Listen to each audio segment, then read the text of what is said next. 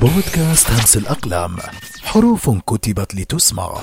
السلام عليكم ورحمة الله وبركاته. أهلا ومرحبا بكم مستمعي بودكاست همس الأقلام. تأتيكم هذه الحلقة بالتعاون مع شبكة محتوايز. لا تنسوا الاشتراك ومشاركة الحلقة مع من تحبون. تحدث النقاد الذين انعطفوا على الشعر القديم بالنظر والتأمل عن الرمضانيات. وهي القصائد التي دارت حول شهر رمضان بوصفها فنا شعريا مستقلا بذاته. له سمات أسلوبية يتميز بها وملامح دلالية يختص بها. واعتبروا هذا الضرب من الشعر افصاحا عما تموج به الروح المؤمنة من معان ومشاعر يثيرها شهر الصيام.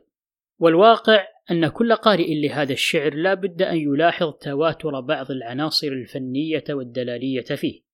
لعل أهمها استدعاء الحكمة والمواعظ الدينية واسترفاد المعاني التي يستخدمها غرض الزهد واستلهام بعض القصص التعليمية لانطوائها على عبر ودروس أخلاقية.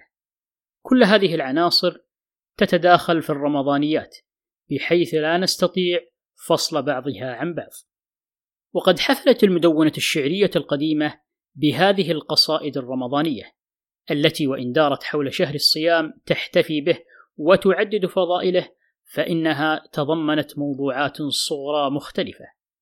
وربما عمد بعض الشعراء إلى مزج الرمضانيات بأغراض شعرية أخرى مثل غرض المديح فتتداخل عندئذ معاني غرض المديح بمعاني فن الرمضانيات تداخل التسوية والتشابه.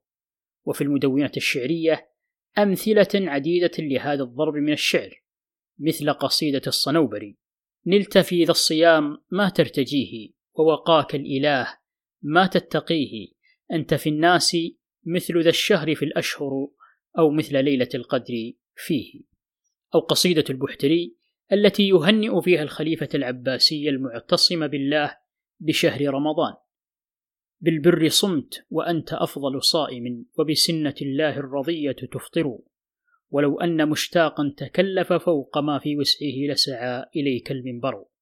هذا المزج بين الأغراض يجعل القصيدة تحتضن في الأغلب الأعم عددا من المعاجم بعضها يرتبط بشهر الصيام وبعضها يرتبط بغرض المديح وإذا عدنا إلى تراثنا العربي وجدنا حضورا كبيرا لهذا الشهر في عدد من قصائده.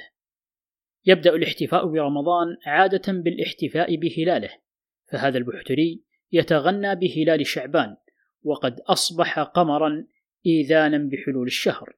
فقال في قصيدة أنشدها بين يدي المعتصم الخليفة العباسي قم نبادر بها الصيام فقد أقمر ذاك الهلال من شعبان ويقول الشاعر الأندلسي ابن الصباغ الجذامي محتفلا بهلال رمضان مستخدما أسلوب الالتفات بحيث يتم الانتقال من المخاطب إلى المتكلم ومن الجمع إلى المفرد.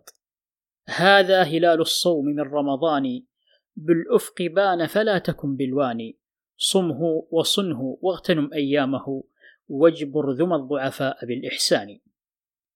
في هذه الأبيات ألح الشاعر على ربط الصوم بالإحسان. الإحسان للنفس والإحسان للغير والإحسان كما جاء في القواميس نفع الخلق أو بذل جميع المنافع من أي نوع كان ولأي مخلوق يكون. أما تميم الفاطمي وهو ابن حاكم مصر فإنه تمنى لو كان شهر الصيام حولا كاملا غير منقطع، والحول عند أهل اللغة غير العام، فالحول يعني عشرة أشهر ونصف الشهر. يا شهر مفترض الصوم الذي خلصت فيها الضمائر بالإخلاص في العمل صوم وبر ونسك فيك متصل بصالح وخشوع غير منفصل. يا ليت شهرك حولا غير منقطع وليت ظلك عنا غير منتقل. بهذه اللغة الأثيرية كتب الشاعر قصيدته واصفا شهر الصيام بالظل المنتقل متمنيا بقاءه لأنه شهر الإخلاص والبر والنسك والخشوع. هذا الإحساس نفسه يفصح عنه الشاعر الأندلسي ابن جنان فيقول متحسرا على انقضاء شهر الصيام الذي بدا في هذه القصيدة ذا طبيعة نورانية. مضى رمضان أو كأني به مضى وغاب سناه بعدما كان أو مضى فيا عهده ما كان أكرم معهد ويا عصره أعزز علي إن انقضى. أما ابن المعتز فيصف هلال آخر رمضان مبتهجا بنهاية شهر الصيام فيقول يا قمرا قد صار مثل الهلال من بعد أن صيرني كالخلال الحمد لله الذي لم أمت حتى رأيناك بداء السلال.